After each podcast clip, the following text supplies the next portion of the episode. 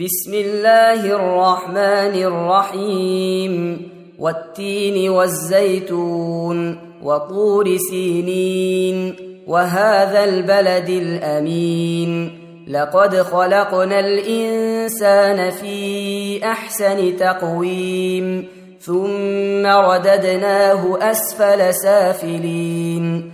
الا الذين امنوا وعملوا الصالحات فلهم اجر غير ممنون فما يكذبك بعد بالدين اليس الله باحكم الحاكمين تم تنزيل هذه المادة من موقع نداء الإسلام www.islam-call.com